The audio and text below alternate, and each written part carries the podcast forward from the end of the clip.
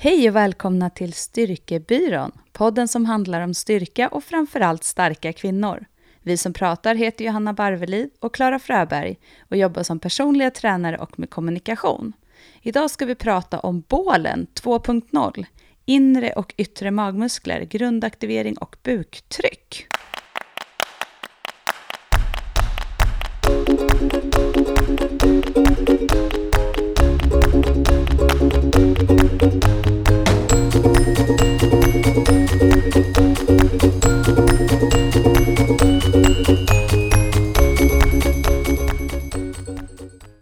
Häromdagen i eh, gymmet, Johanna, Mm.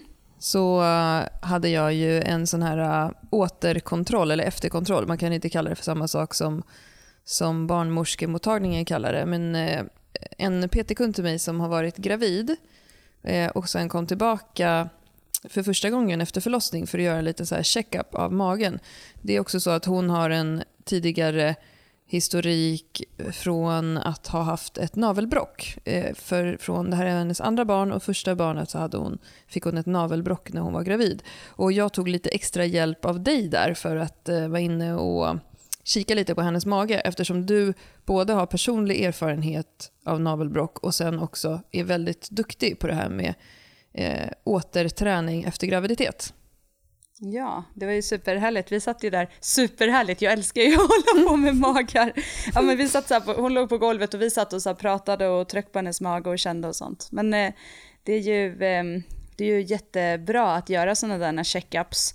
Eh, för att det som skedde nu är att hon kan gå hem och så ska hon eh, jobba lite på de här delarna som hon fick med Mm. sig i hemläxa. Och sen Mm. kan hon, kommer hon tillbaka när hon har gjort det där lite och känner att hon liksom kan, är redo för steg två.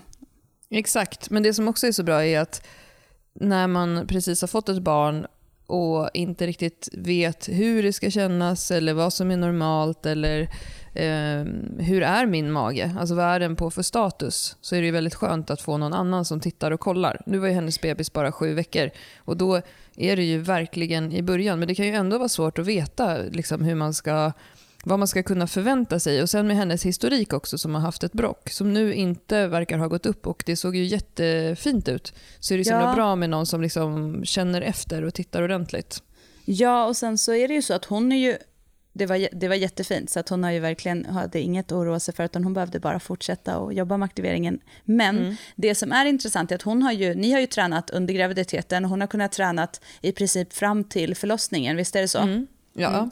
Ja, och har ju haft jättefin kontroll och liksom gjort alla steg som man, ska och är jättenoggrann med att inte göra eh, för mycket. Och hon är ju eh, för detta elitidrottare, är det så? Mm, simmare. Ja, simmare. Vilket gör också att hon är ju van att träna mycket och hårt. Så, men hon har ju varit jätteduktig under graviditeten att verkligen så här först, det här är fokus, liksom, det ska aldrig, liksom, inte på bekostnad av magen hela tiden. Och, ehm, eh, och, men ändå så känner ju hon när hon är här nu att det är så här, ah, det känns inte igen och det känns, jag vet inte alls, det känns som att den bara är där och jag har inte alls den här känslan och kontakten som jag hade förut. Och det, det är väl liksom, det är ändå viktigt att veta att även fast man har tränat och eh, man har haft kontroll och hjälp och så, så är det ju precis efter liksom man har fått barn så är det ju jättesvårt för många att känna. Man, Det handlar också om att lära liksom, nervsystemet igen, precis som vi pratar om med det här att liksom, bana in en rörelse, att göra knäböj om man vill bli bra på det, att liksom, lära nervsystemet vad det är man ska göra. Det är precis samma sak där, man måste ju göra, göra, göra, göra, göra för att liksom, hitta tillbaka till den här kontakten. Eh, och det är ju någonting som man kan börja med direkt. Det handlar inte om att man ska gå till ett gym och träna hårda pass, utan det handlar om att vara hemma när man kanske ligger på golvet, att just det, känna efter lite, eller när jag sitter upp och ammar eller någonting, att just försöka att hitta den här aktiveringen. Så att, eh, och då pratar vi ju den inre aktiveringen i eh, Och det ska vi ju gå igenom idag vad det, Ja. vad det betyder. Men det, det, som, eh, det som, som man kan sammanfatta är som, som händer när vi är gravida, det är ju att vi har ett barn som växer inuti djupa kroppen och utanför den här eh, bebisen så har vi eh, bara på magens framsida så har vi tre olika lager av muskler. Vi har eh, det som de flesta brukar referera till som magen, sexpacket, rectus abdominis som går vertikalt från eh, revbenen på mitten av magen och hela vägen ner. Och Sen har vi oblikerna, externus och internus som går eh, diagonalt. Sidan. sidan av magen. De här eh, kalsongmuskeln som jag såg en kvinna skriva på Instagram förra veckan att de här ska ni inte träna tjejer för det är inte feminint. och jag älskar mina ja, Jag vill också ha kalsongmuskler. Men, och sen så har vi ju då det innersta lagret som är transversus eh, abdominis som eh, sitter liksom horisontellt som ett bälte längst in runt själva Korsetten. kärnan. Ja. Själva korsetten kan man säga. Precis, och det är ju den som, som kan bli inaktiverad framförallt när man är gravid. Men det som händer när man är gravid är ju då att magen växer, växer, växer, växer. Barnet liksom gör ju att magen trycks ut. Och Då ja. förflyttas ju de här musklerna och trycks åt sidan för att ge plats åt barnet. Och Sen när barnet är ute igen och magen ska dras ihop så, tar det, eh, så behöver ju musklerna hitta till, tillbaka igen till sitt ursprungsläge. Ja, och det är ju jätteolika. Eh, för vissa så går det bara tillbaka och det är inte något, jag skulle säga för de allra flesta går det tillbaka utan något större problem. Mm. Alltså det är det vi pratade om tidigare, att det är så, man pratar så mycket om magmuskeldelning idag så det är så, nästan skrämsel liksom, mm. propaganda. Så att mm. för många så går det tillbaka av sig själv. Eh, mm. men att man måste ändå hjälpa till att skapa den här kontakten och framförallt skapa det här automatiserade eh, aktiveringen. Alltså det mm. där vi inte behöver jobba eh, fokuserat för, utan att vi, att vi gör det per automatik. Lite som vi pratade om i förra avsnittet, det här med att automatisera sina lyft. Precis samma sak. Mm. Att automatisera sin inre aktivering. Mm, precis, för det är inte så konstigt att det blir kajko. Det här kan ju också vara om man har gjort en operation, en bukoperation eller eh, att man till exempel har haft eh, en, en stor övervikt som har liksom sprängt ut i magen och där man har tappat eh, kontakten där inne. Men det är samma sak om jag skadar knät. Jag får en korsbandsskada säger vi, spelar fotboll med kidsen och slinter och sen behöver jag gå till en sjukgymnast. Ehm, då kommer den här sjukgymnasten sätta mig på aktiveringsövningar för till exempel musklerna runt knät för att under läkningsprocessen så kanske jag har varit rätt stillasittande och, inte, och tappat eh, aktiveringen av rätt muskler runt omkring den här skadan. Precis samma mm. sak är det ju efter en graviditet. Musklerna blir ju uttänjda, bindväven blir uttänjd. Ehm, de blir också svagare av att du inte tränar på samma sätt. Så är man en person som har haft eh, synliga magmuskler eller starka, liksom, bulliga muskler, bodybuildade magmuskler så kommer man ju inte behålla det under en graviditet. Nej. Så är det. De blir mm. inte så aktiva de. Ja, men vi hade ju rätt kul. Det var rätt kul faktiskt när vi var där. Det var så schysst att jag fick ta hjälp av dig. Ehm, det är så skönt när man kan liksom, i och med att du också har haft ett navelbråck själv så mm. Ehm, kunde du också visa eh, min PT-kund. Så då bad jag dig så här, Johanna kan inte du visa för du, nu har ju du, du har byggt upp så himla stark mage nu efter, efter Ludvig så du har ju nästan lite svårt att visa när, när du tappar magen. Men annars, för nu kan du nästan inte göra det längre. Men annars Nej. är det så bra när du kan visa när du lägger dig på golvet eh, och spänner ut magen åt fel håll och visar liksom så här ska det inte se ut. Eh, och Sen så visade jag också min mage, för jag håller på att öva på det här med buktryck nu.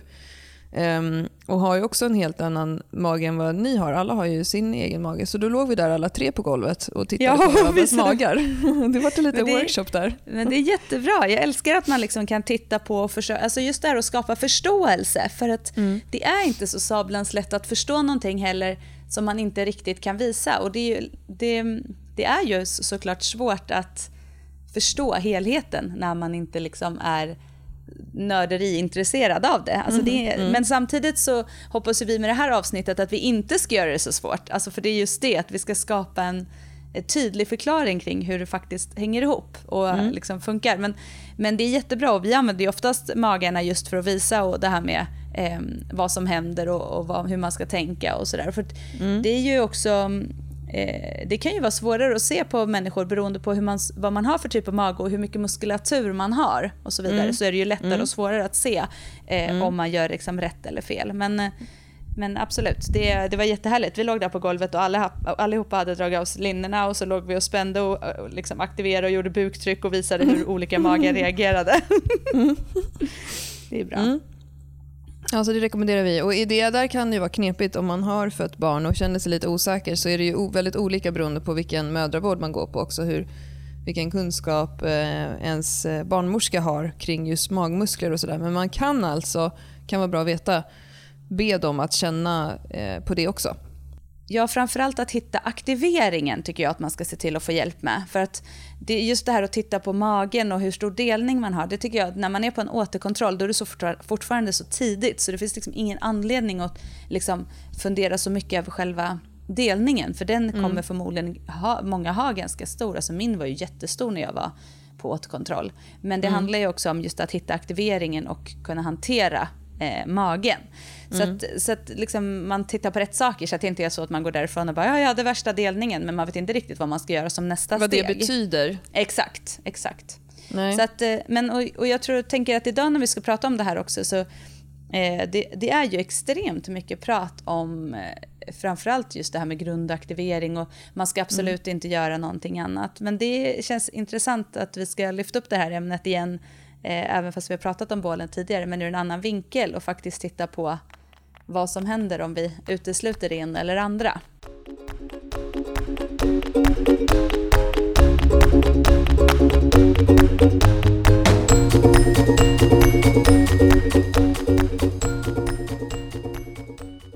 Vi var inne på vilka tre lager det finns på magen av muskler. Men om man lägger till då vad bålen är för någonting. Vi pratar ju mycket om bålen du och jag. Bålen, bålen, ja, bålen. Bålen, bålen kåren. ja, de flesta, om jag generaliserar så de flesta PT-kunder som kommer till oss de pratar om att träna magen. Då pratar man egentligen om framsidan. Men bålen det är ju egentligen hela tunnan, hela mittcentret av kroppen. Både framsidan och baksidan. Då har vi ju alltså ryggmusklerna också. Och inuti, om man tittar på den här transversus abdominis som går eh, som ett litet skärp där längst inne i magen. Så har vi på baksidan av ryggraden, de tycker jag har så härliga, det är så härligt namn, det är nog min favoritmuskelnamn just nu, det är multifiderna. Som, som liksom kramar om ryggraden. Eh, och Sen så har vi ju eh, latsen och många liksom, stora muskler där på ryggen. Men eh, man måste se det här som en helhet när man pratar om bålträning. Eh, och eh, Det är ju det som är eh, när man aktiverar helheten, det är det som är buktryck som vi ska prata om. Mm. Ja, vi kanske ska gå över på det på en gång. Ja, men jag tycker det. Mm. Ja, men vad är då... Det finns ju två kända uttryck när det gäller eh, magträning eller bålträning. Och Det är ju hollowing och bracing brukar man använda i träningsvärlden. Eh, på svenska så kan man säga, vad, skulle, vad, vad, kallar vi hollowing då Johanna? Det är det som är lite knepigt på svenska att säga. Ja, alltså vi, vi har ju, kallar det ju för inre aktivering, men det handlar ju om att det är ett, att du egentligen drar in magen, alltså suger in naven. Eh, ja. Så att insugning eller indragning, om jag tror man söker man på hollowing så tror jag att man får fram indragning. Mm. Ja, kan det vara så? Mm, jag tror det. Aktiv indragning eller någonting ja. sånt. Men så, att, ehm. så att det handlar om den inre aktiveringen och som vi nu, när vi har pratat, det vi har pratat om nu så handlar det ju mycket om det här in, inre aktivering, att hitta den här transversus-aktiveringen. Abdominis. Ja. Abdominis, precis. Mm. Så det är en del. Och det, men jag tror ofta så hör man hollowing för att hollowing används i träningsvärlden eh, när man pratar om just den delen. Ja, och hollowing är ju också, alltså hollow position är ju också någonting som man använder mycket inom gymnastiken och crossfit när vi är helt utsträckta. Men när vi är i det utsträckta läget med kroppen så gör man ju också en indragning av magen. Exakt. Exakt. För att vara helt anspänd.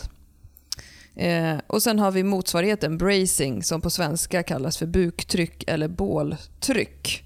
Mm. Eh, och Det är när vi istället trycker ut. Om vi pratar om hollowing som att vi drar in naven mot mm. liksom, centrum av kroppen, drar in den mot ryggraden, så är buktryck när vi trycker ut naven. Eh, från ryggraden. Vi drar ner luft, i, om vi ser på bålen som en tunna, så drar vi ner luft i hela bålen och använder den här luften för att pressa den utåt åt sidorna. Och Då pratar jag även om ryggen och sidorna, inte bara liksom ölmagen. Eh, vilket skapar eh, en stabilisering av hela bålen. Och Det man pratar om när man pratar om buktryck är att det, det handlar inte om att spänna en muskel utan det handlar om att skapa ett sånt tryck i hela bålen så att det är snarare stabiliseringstrycket som är i fokus och inte eh, att man tränar en muskel eller så. Exakt. Så att det, det handlar om att trycket skapar stabiliteten i när du ska göra dina lyft. Mm. Lite som att man förbereder sig på om någon skulle komma och slå en i magen. Mm. Man, man ser att det springer in någon i ett rum arg med knytnäven framför sig. Hur, hur gör man då? Um, jag tror ju inte att man ställer sig och aktiverar eh, transversus och liksom suger in. Andas och lugnar och kniper. Man liksom, där gör man sig redo för att kunna ta emot det där slaget. Ja, men och då tänker jag så här också, då, då går ju min ledande fråga eller påstående här. Eh, mm. Eh, när vi då ska göra det här mm. så eh, måste vi ju ändå ha koll och kontroll på den inre aktiveringen. Ja. Eller hur? Ja. För att gör vi bara det här trycket utan att ha den automatiserade eh, inre kontrollen mm. så kommer vi ju att någonstans pys, få pyspunka. Ja, och sen eh, bäckenbotten blir ju jätteviktig här. Exakt. Ehm, känner jag. För bäckenbotten är ju den muskel, det, det, pratade vi inte om nu med bålen, men diafragman är ju locket på bålen. Det är den muskel som drar ner luft i magen. Ja. Där bäckenbotten är botten på bålen. Och bäckenbotten har ju hål, eh, för vi behöver tömma ut vissa saker ur kroppen och sådär, föda barn och sånt. Mm. Eh, och de behöver vi kunna kontrollera. Och bäckenbotten har, om jag inte har fel nu, två stycken muskellager. Där den ena, när den aktiveras, eh, drar ihop sig och den andra suger inåt och uppåt. Och yes. Det här är också en muskel som vi tappar kontakten med efter en graviditet eller efter en operation. Som mm. vi också kommer behöva arbeta med aktivt med knipträning och aktivering för att eh, väcka till liv. Och I ett buktryck, när vi drar ner luft och pressar utåt, då kommer vi också pressa utåt mot bäckenbotten. Mm.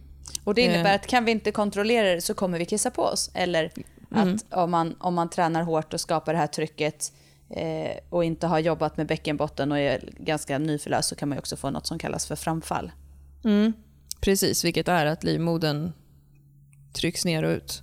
Uh, yeah. Men nu låter det så här, ah, det, det, är precis det här vi vill ta bort. Det, han, det mm. är liksom inte så att man ska gå runt och vara orolig för att få det eller att, liksom, eh, att det är så här helt livsfarligt. Men man ska ju se till att, att, precis som du sa, efter att man har har man gjort ett ingrepp på kroppen, en operation eller man har en skada, då måste man skapa förutsättningar för sig för att kunna göra det man vill och för mm. att kunna ha ett, liksom, en vardag som funkar, där vi är starka, där vi inte kissar på oss, där vi liksom kan orkar mm. hålla upp vår hållning. Så allt det här hör ju ihop. Men när man tittar på eh, det här med, som du pratar om, buktryck nu, så mm. är ju det att man måste ändå särskilja när man pratar om buktryck de personerna som har exempelvis gjort en operation eller eh, har genomgått en graviditet.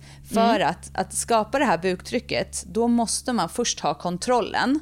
Mm. Eh, men, eh, eller ska jag säga så här, av den anledningen att då, är man inte, då, är man inte beräk, då räknas man inte som den här gemene person som ska heller lyfta så tungt så att man måste Nej. skapa det här trycket. Utan du ska självklart kunna göra knäböj göra marklyft och så vidare. Men du kanske kommer behöva ha, jobba lite annorlunda med hur du har anspänningen. Mm. Är du mm. med på hur jag tänker? Liksom att... ja, ja, jag tänker att det är som... Eh, det behöver inte betyda att man måste vara kvinna. Jag tänker att det finns många män som får till exempel ett navelbrock. Absolut. Eh, det är ju en vanlig, eller ett ljumskbråck är ju vanlig, mycket vanligare hos män än hos kvinnor. Mm. Eh, alltså efter det, eller efter att jag till exempel opererade bort gallblåsan på levern, så sker det ju samma typ av eh, Eh, nervkapning där inne om man har mm. varit inne och skurit i muskler och så vidare. Där man tappar den här automatiseringen och också behöver träna upp att man slår på. Och samma sak, vi tjatar ju mycket om det här med rumpaktivering. Mm. Som också är vår liksom, bibel för lyft. Ja. Det är ju samma sak där. Har du ett jobb där du bara sitter och sitter och sitter hela dagarna med höften eh, icke utsträckt så kommer du tappa aktiveringen i rumpan och då kommer du behöva slå på den igen om du vill få maximal effekt av att göra knäböj. Det räcker alltså då inte att göra knäböj för Nej. att aktivera igen utan du kommer att behöva göra de här gummibandshöftlyften, sidogången och så vidare för att rumpan återigen ska avfyra. Vi pratar ju om rekryteringsmönster, vi pratar om att eh, eh om just att musklerna ska veta att de ska avfyra i en rörelse för att få ut maximal effekt av den. Och Det är ju ingen skillnad med eh, det här så kallade inre aktivering efter en graviditet. För en graviditet är ju ändå en typ av skada på kroppen, på magen.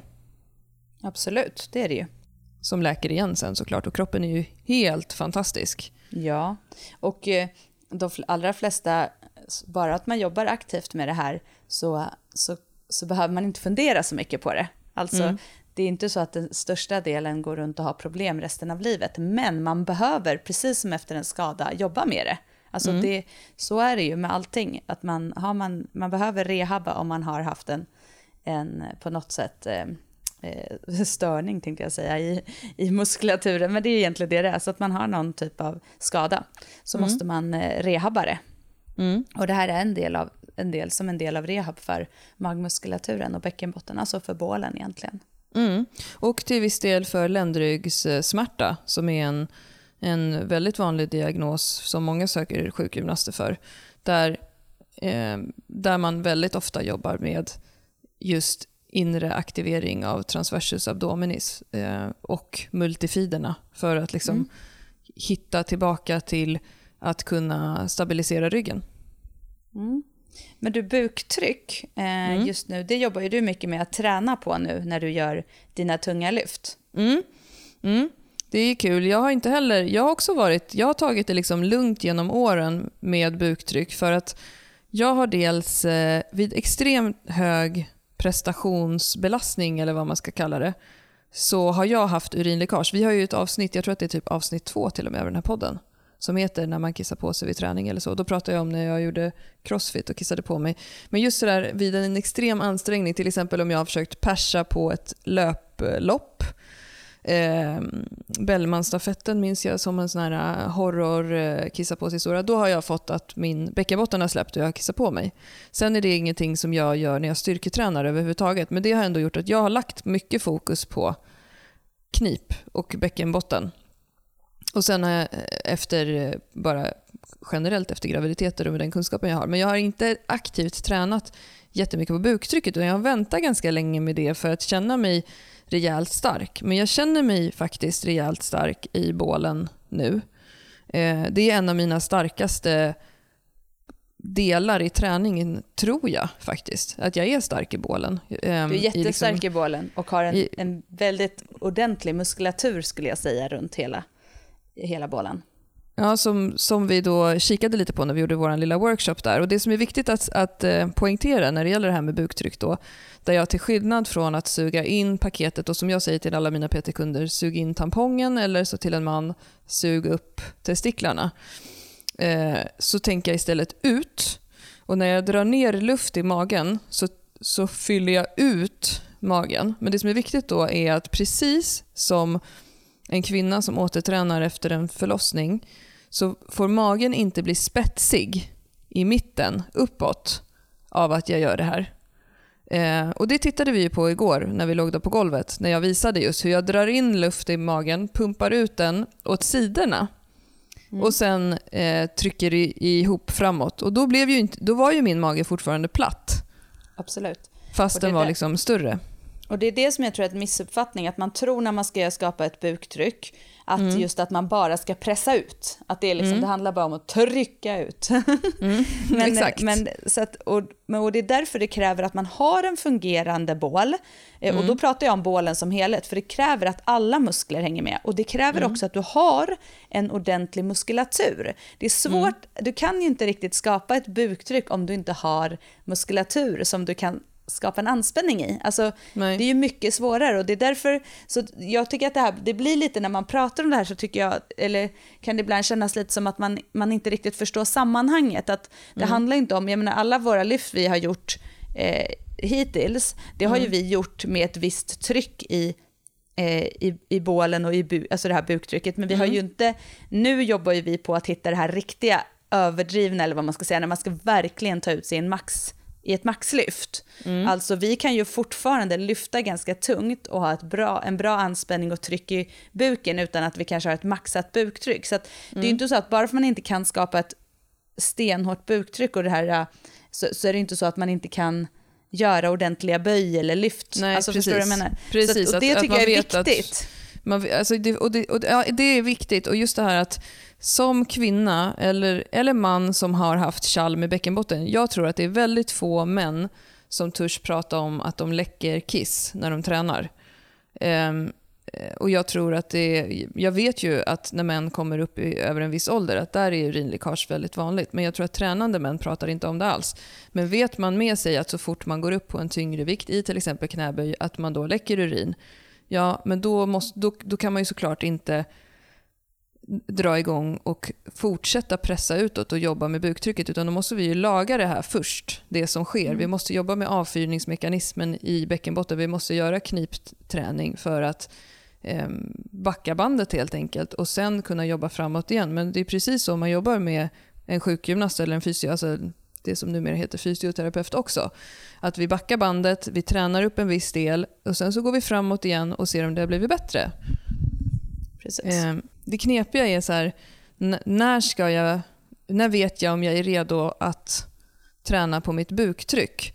Eh, då skulle jag också lägga till att det handlar ju om andra saker också. Det handlar ju om helheten. Hur tungt tränar du? Finns det en poäng med buktrycket? Om du är en person som gör knäböj med 40 kilo, vilket jag inte lägger någon värdering i överhuvudtaget, men då kommer du inte behöva jobba med ditt buktryck på samma sätt heller. Utan det är liksom nästa steg som vi kopplar på när det börjar bli riktigt tungt. Ja, vi brukar ju prata med våra kunder om det här med andningen. Att, mm. att man ändå skapar ett, en stabilitet. För det var det som du pratade om det här i början, att buktrycket mm. handlar ju om att skapa ett tryck och en stabilitet för hela, liksom för ryggraden. Att man skyddar mm. ryggen helt enkelt. Och en mm. del i det som vi brukar prata med, med våra kunder som liksom är steg ett som de ska lära sig, det är just det här att dra ner luft och spänna till. Mm. Alltså i, så att man ändå får den här paketeringen, att man blir stabil. Att man inte mm. mitt i, i, liksom när man är i bottenläget av sin knäböj liksom gör någon typ av megautandning och bara pyser ihop. Så det, jag skulle säga att det är ju som ett litet steg ett i det här att prata buktryck. Men mm. att man har inte det här man har inte det här maxade trycket där man blir eh, där man har full aktivering kanske i, alla, i hela muskulaturen, för man kanske inte klarar att hantera det på samma sätt. Mm. Men man har fortfarande en paketering som skydd, skyddar ryggraden, för det, det är ju det det handlar om, det här, mm. att skydda mm. ryggen från eh, att inte liksom kollapsa och få ont. Ja, och att hålla oss upprätta eh, mm. i tunga övningar. Eh, att, att se det som att, eh, som som vi brukar tjata om, att man, att man kan liksom stå pall, stå fast i vinden. Och som mm. du säger så kan man ju göra en rejäl anspänning i bålen utan att eh, trycka ut till exempel bäckenbotten. Mm, precis. Så, så där, och det där blir ju väldigt individuellt var man är någonstans. Vissa kvinnor som har fött barn, de kommer aldrig kunna eh, jobba med buktryck. Nej. För att det kommer kännas som att det, det trycker på ett obehagligt sätt neråt ja, i den nedre absolut. regionen. Eller kring liksom, eh, analen också.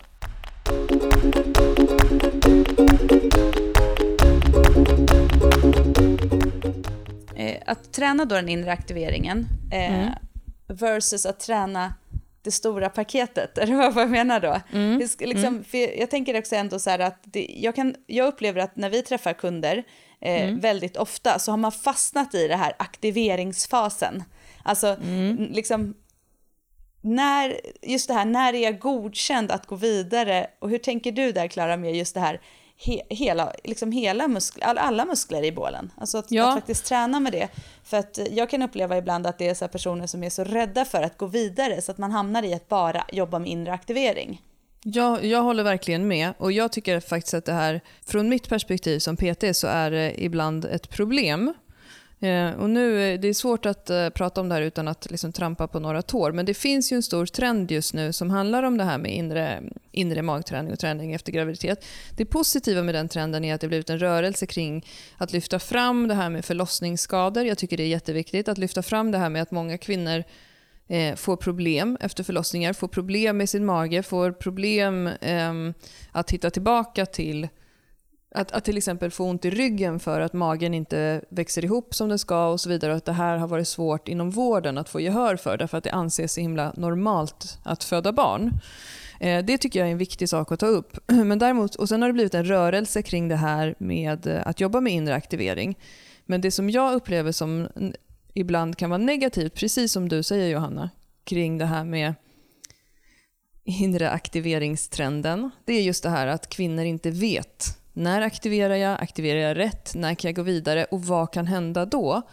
Eh, och det, jag träffar ju och ofta, det här har hänt flera gånger, senast ganska nyligen, att det kommer personer till mig och säger jag vill, skulle gärna vilja lyfta eh, vikter men jag vågar inte ta i i gymmet för att jag känner inte att jag har ett, en automatiserad aktivering och jag jobbar med de här övningarna som finns i den här appen om och om igen ligger hemma på golvet och jag vågar liksom inte ta tag i en hantel för jag är rädd att skada mig. För att jag har två fingrars delning eller tre fingrars delning eller eh, jag är osäker på min delning och min delning och min delning och min delning.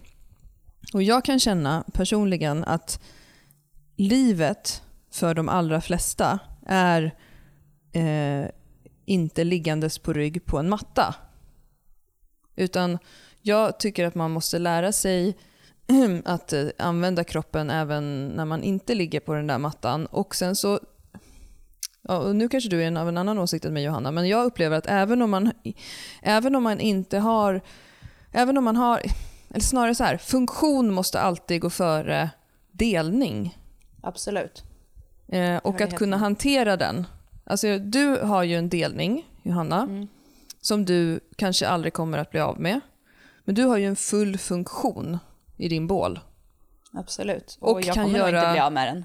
Nej, och kan göra tunga knäböj och marklyft utan att din mage trycks ut genom din delning och att du inte håller ihop. Du har inga urinläckage eh, vid ansträngning, eh, du har bra knip, du håller ihop den här delningen när du gör dina tunga marklyft. Då ser inte jag någon anledning till att du inte ska göra tunga marklyft för att du har en delning. Nej. Utan det, det här är ju två saker. Att kunna eh, eh, hålla ihop sin bål under träning och att ha ett automatiserat påslag av transversus abdominis i vardagen. Det kan ju, det, hur vet jag om jag inte har det kanske folk funderar nu över. Jo, ofta kan det ju vara så att man till exempel på kvällen efter graviditet, det här är ju ofta första året efter ett barn till exempel har kommit, att man på kvällen känner så här, jag orkar inte, jag måste knäppa upp byxorna. Även om jag inte har ätit någonting för att magen liksom fluffar ut. Eh, det kan ju vara till exempel ett tecken på att kroppen inte orkar eh, hålla ihop och ha det här påslaget i transversus abdominis en hel dag utan att man blir lite uttröttad. Den känslan kan ju också vara, det är ju jättevanligt när vi står och instruerar våra grupper. Vi har ju, man har ju ett sånt öga när man är PT. Så, tittar mm. man, så, ser, så ser man att det ofta finns folk som står och hänger på höften med en utfluffad mage. Man har inte det här, den här hållningen, det här automatiska påslaget. Eller vad säger du? Nej, jag håller med. Det, det ser man jättetydligt. Och också är det en sån sak när man påminner om, om man ser att de, att de börjar tänka på det, så blir det ju en stor förändring. Och sånt, mm. det är ju någonting som man behöver göra hela, hela tiden. Det kommer ju inte att hjälpa dig om du gör det liksom på gymmet två gånger i veckan eller en gång i veckan, utan det är ju i vardagen du behöver jobba med de här sakerna. Men jag tänker mm. också på det här du sa med att man faktiskt måste träna och man måste klara av saker i vardagen. Att mm. Det man ska tänka på att när man har fått, eh, att när man, när man är postgravid eller när man har gjort en operation eller en, eh, har haft någon skada eller någonting, att mm. eh, man, allt som man gör i vardagen ska man mm. ha respekt för. Alltså det vill säga, du kommer göra lyft i vardagen, du bär saker, du flyttar saker, du lägger saker på hyllor, du pressar saker, lyfter saker över huvudet. Alltså mm. du gör massor med saker i vardagen. Så jag anser att det vi måste lära kunder är ju, och nu pratar vi egentligen åter om eh, eh, postgraviditet, men det är ju för att den här mm. delen i det här avsnittet handlar om just det här med aktivering. Eh, mm. Då måste vi lära våra eh, kunder att göra det här med kontroll i gymmet. Mm. mm. Alltså tycker inte jag att det är fel att göra övningar där man får utmana sig så länge såklart att vi inte skapar ett tryck du inte klarar av att hantera.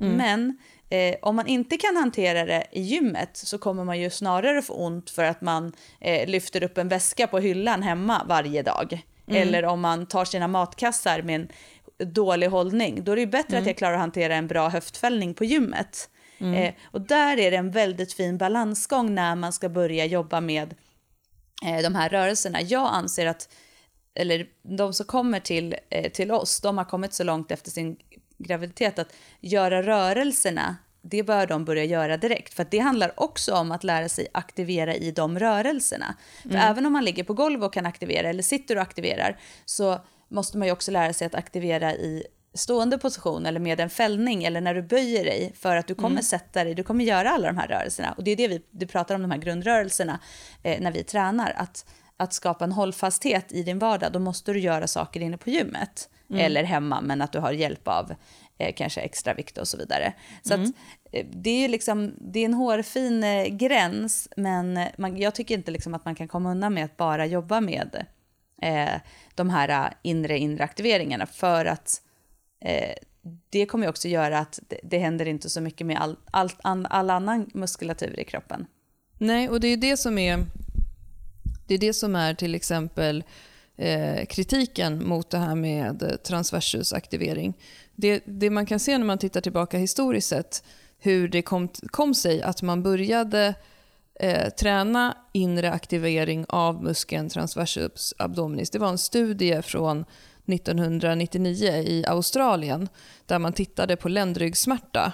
Och så kunde man se att eh, de som hade ländryggsmärta hade ett icke-automatiserat eh, avfyrningsmönster av transversus abdominis i olika träningsövningar. Det vill säga, den kom inte igång automatiskt. Precis som vi pratade om det här med att du ser att någon är på väg att slå dig i magen.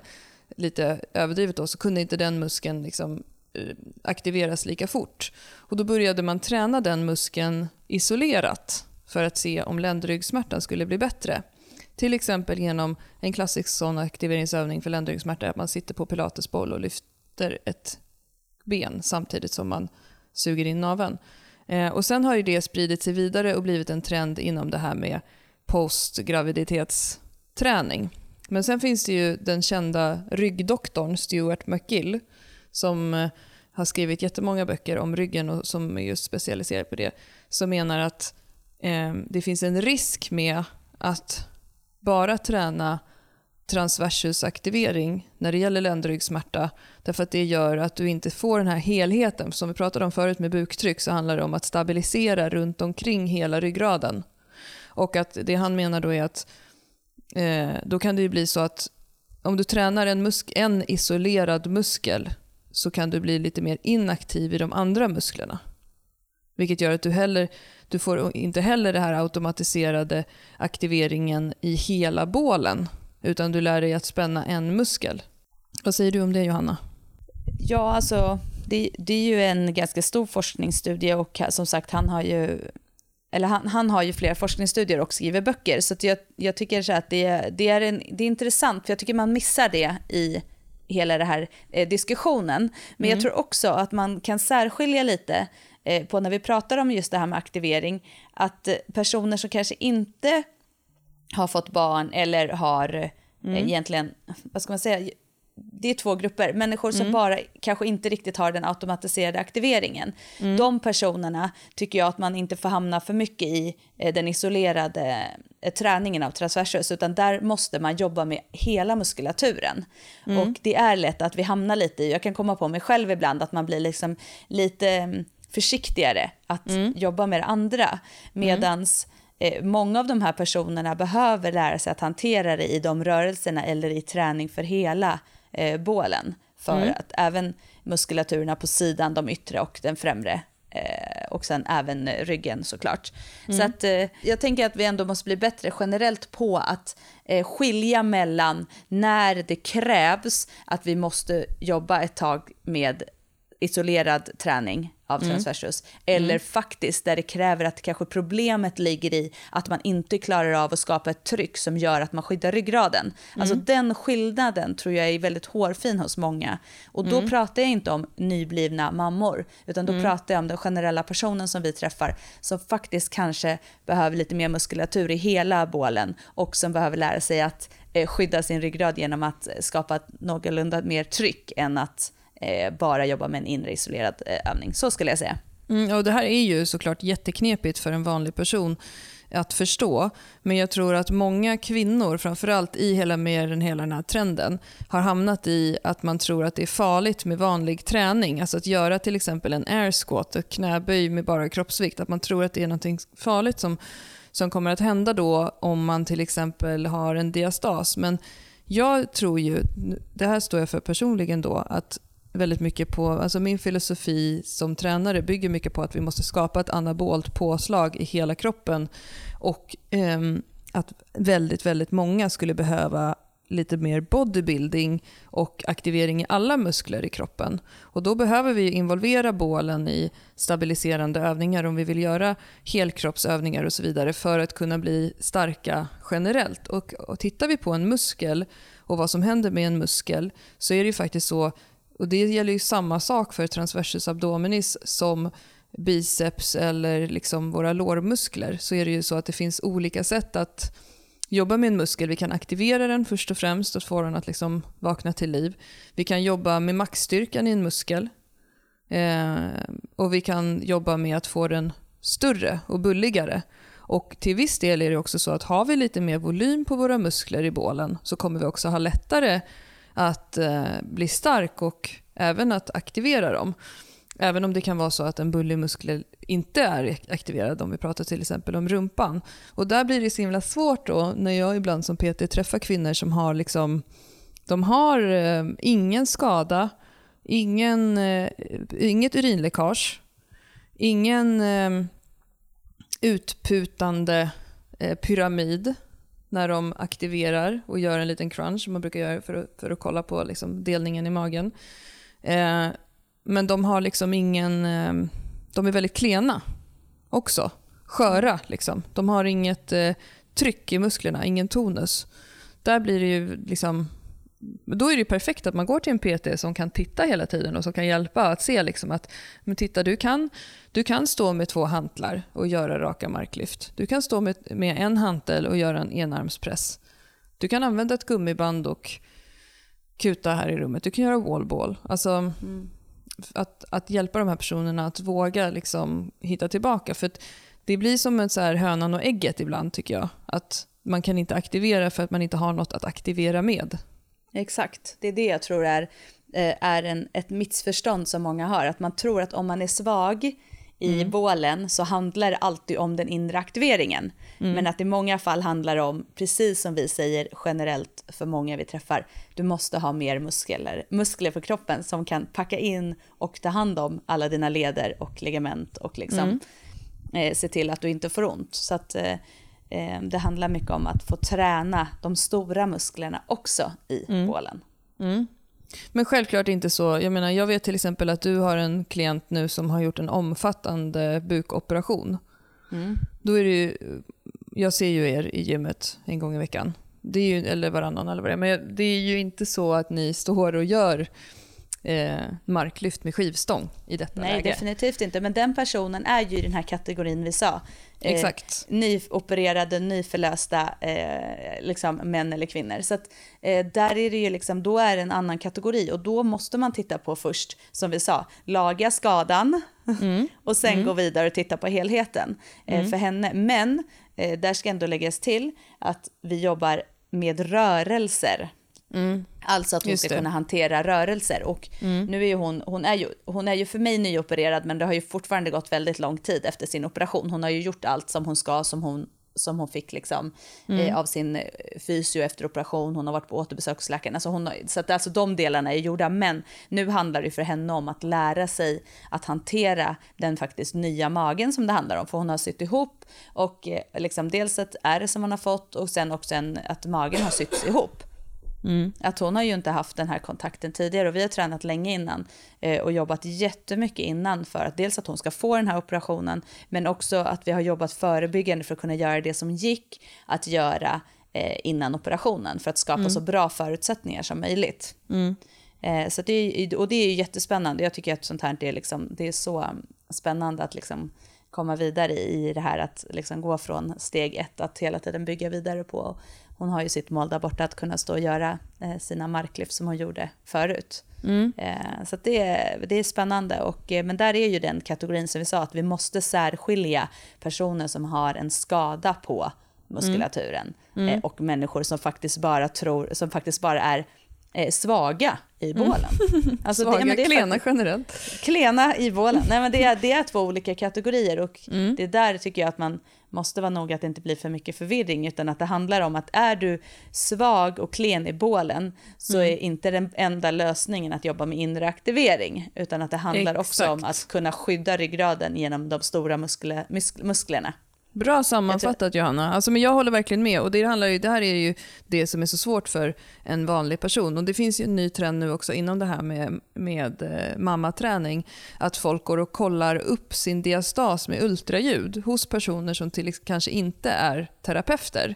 En terapeut, en sjukgymnast kan ju jobba med ultraljud ibland för att titta på muskler och sådär. Men nu har ju vissa vanliga PTs och sådär köpt ultraljudsmaskiner och så, så tittar de på kvinnors diastas. Jag hade då en PT-kund som gjorde det för några veckor sedan och då frågade jag henne, fick du veta någonting som du inte redan visste? Nej, sa hon. Alltså, vad hjälper det dig om du har en delning, att du går och tittar på den i en sån här apparat av en person som ändå inte kan ge dig några, eh, en plan framåt för hur Nej. du ska komma ifrån den?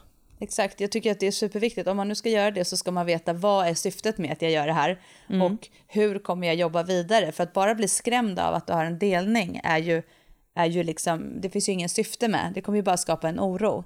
Mm. Eh, utan det handlar ju mer om så här, om du ska göra det, vad är planen, hur åter, hur, vad gör du för återkontroll, eller liksom, mm. har du någon uppföljning, har mm. du fått en plan att följa då? Alltså det är klart att då kan det finnas en relevans i det för att man kan se och man kan se så här, oj men det här är ju jättetydligt att den här träningen har gett resultat och att nu mm. har jag ju en helt annan kontroll och då kan jag se det. Men många vet ju att de har en delning.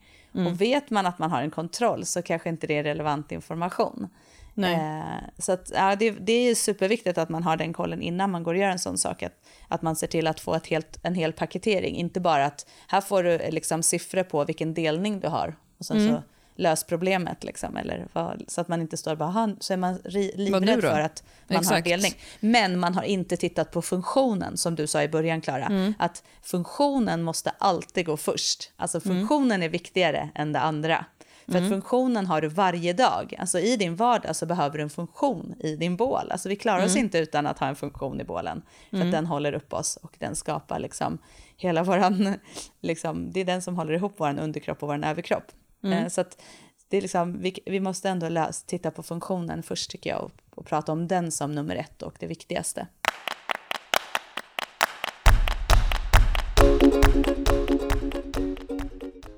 Vi har ju till det här avsnittet också pratat med en av Sveriges främsta eh, styrkelyftare, tjejer. Ja, eh, världens främsta Världens också, främsta. Kan man säga, för att eh, faktiskt eh, i eh, onsdags så gjorde hon, eh, avslutade hon tävlingssäsongen för 2017 med EM och tog guld i bänkpress. Hon bänkade 132,5 kilo, Matilda Wilmar. Och eh, det blev även sven nytt svenskt seniorrekord i bänkpress. Mm, I hennes klass. Mm, I hennes klass. Hon tävlar i minus 63 och Pippi Ingrenius tävlar i minus 52 och vann också guld. Så det går ju sjukt bra för det svenska juniorlandslaget i styrkelyft just nu, vilket är så himla roligt tycker jag.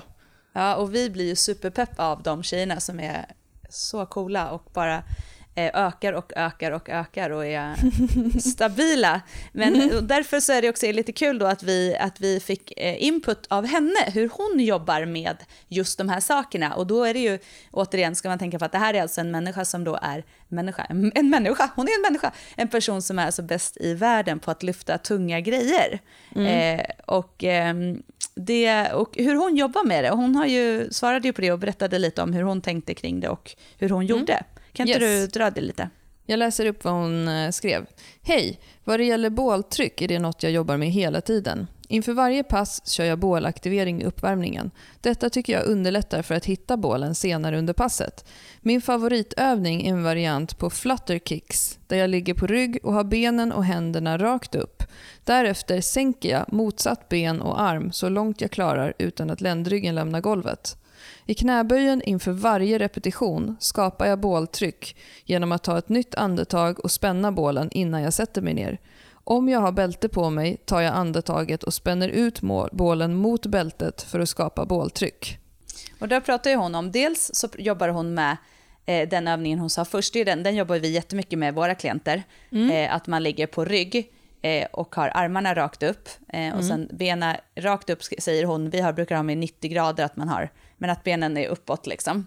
Man ligger som en liten, den kallas ju på engelska deadbug, det är, lite som, det är en död insekt liksom som bara ligger där med benen. Men just då att man jobbar då med kontroll, att kunna hantera rörelse och sträcka på ben och armar och fortfarande inte ha en förändring i ryggraden. Och där är ju jättenoga med det här som vi pratar om. Det handlar inte om att trycka ryggraden i golvet, som man hör många säga, utan det handlar om att du ska inte ska förändra ryggradens relation till golvet. Alltså har du en lätt Eh, eller har du en eh, kurvatur i ryggen så kommer du förmodligen som du Klara, du ligger ju inte med ryggraden helt intakt. Men eh, däremot så ska du ju inte få en ökat avstånd till golvet för då tappar du. Så det handlar om att kunna s- sträcka på sig och hålla en, en, en aktivering och ett tryck i eh, bålen. Eh, så där, där jobbar ju hon med det, det som vi, det är ju en, liksom en, en variant eh, på en eh, aktiveringsövning, men där vi ändå jobbar mer med helheten i bålen än att bara jobba med transversus. Ja, precis. Och kul att höra att hon ändå tänker på det hela tiden under ett helt träningspass. Både som aktivering och sen med påslaget mellan varje repetition så är det så viktigt. Och just det här med att ha kontrollen. För att det är ju eh, när, när du ser att en- en person slarvar med det här under sina knäböj till exempel så blir det väldigt tydligt att energin läcker och att det, det blir instabilt och vingligt. Och Jag vet ju också att Matilda tränar ju med devisen att alla repetitioner ska vara fina på träning. Och Då blir ju det extra viktigt att hela tiden fokusera. Och också det här som vi pratade om i förra avsnittet om automatisering. Att hon skapar det här i varje lyft hela tiden.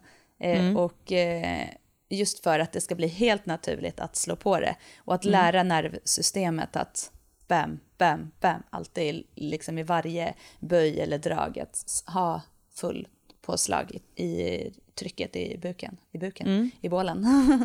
Vi eh, passade ju på att ställa en till fråga till en fysioterapeut eh, om det andra som vi pratar om idag, hollowing, alltså grundaktivering eller det här med att dra in magen. Och Då frågade vi Louise Fridén som är eh, fysioterapeut och som vi samarbetar en hel del med och skickar klienter till. Jätteduktig. Eh, Eh, och hon svarade så här, kul att ni tar upp ett jätteviktigt ämne i podden. Eller jag som sjukgymnast, fysioterapeut och som PT såklart tycker det är jätteviktigt. Jag, precis som ni, får ständigt denna fråga. Så här tänker jag kring grundaktivering.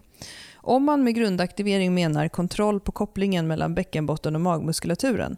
Hos kvinnor som har fött barn så verkar det som att vi har en effekt av att träna detta isolerat då själva graviditeten eller förlossningen kan ha påfrestat mycket och vi har tappat knipförmågan i bäckenbotten samt att hela biomekaniken är påverkad. Här ser jag att det har ett syfte för att så snart man kan eh, hålla den grundaktiveringen snabbt progrediera mot tuffare bålmoment som kräver bålstabilitet och kanske därmed buktryck. Om vi bortser från dessa kvinnor och tittar på alla andra som också kan behöva jobba med stabiliteten i bålen och med bålen menar jag här hela överkroppens muskulatur tillsammans. Jag är fullt medveten om att så kallad transversusträning eller hollowing är fortsatt utbrett, både bland PTs och fysioterapeuter. Men jag ser inget syfte med att isolera denna träning för att åstadkomma stabilitet i hela bålen.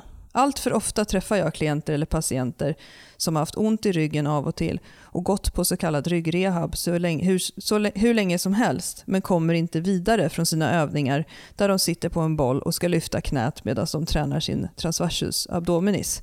Jag skulle kunna dra en jämförelse med att du ska träna, skulle träna enbart bicepscurl för att göra dig bättre på chins.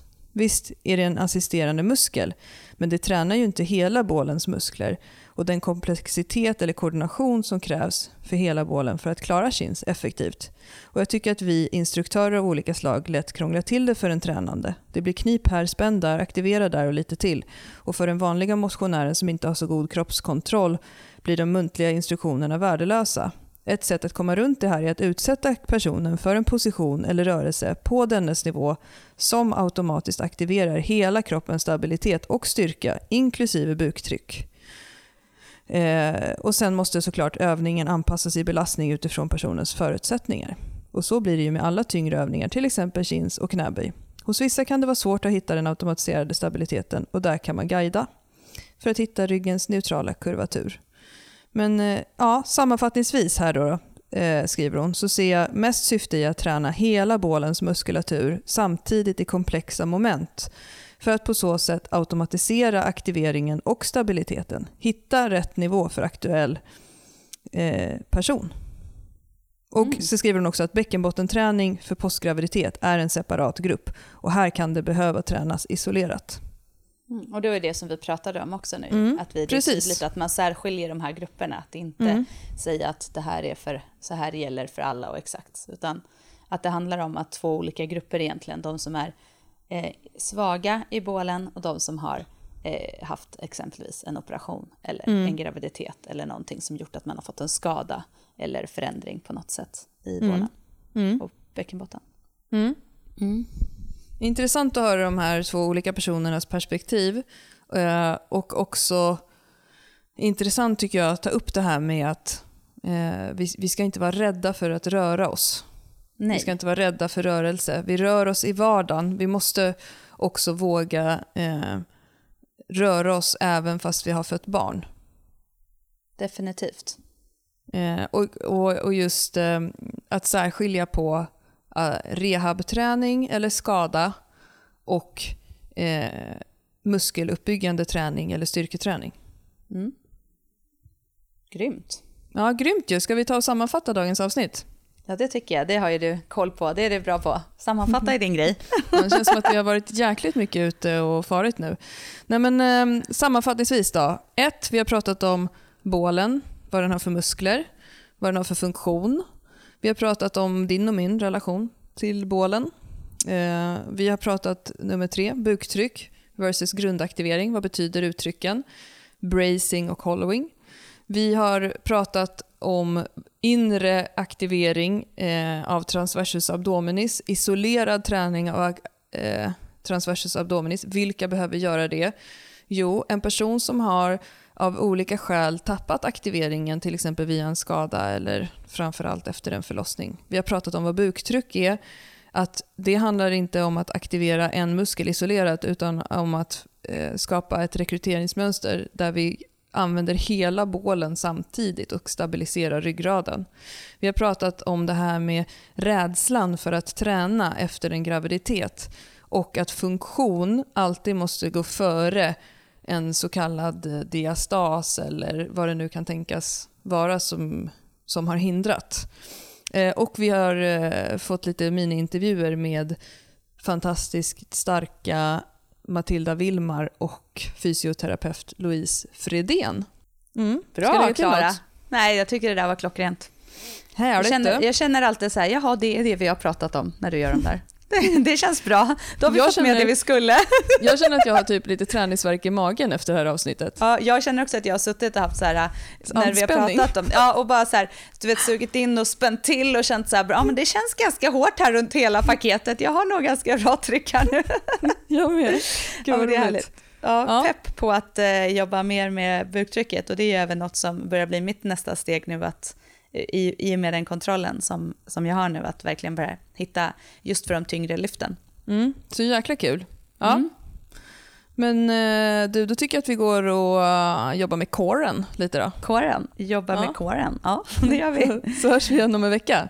Fortsätt gärna att eh, kommentera, eh, ranka oss, eh, ge oss betyg och prenumerera på oss i podcastappen. Och missa heller inte vårt nyhetsbrev som du hittar på vår hemsida styrkebyrån.se. Ja, ha det bra! Hej hej! Hej då!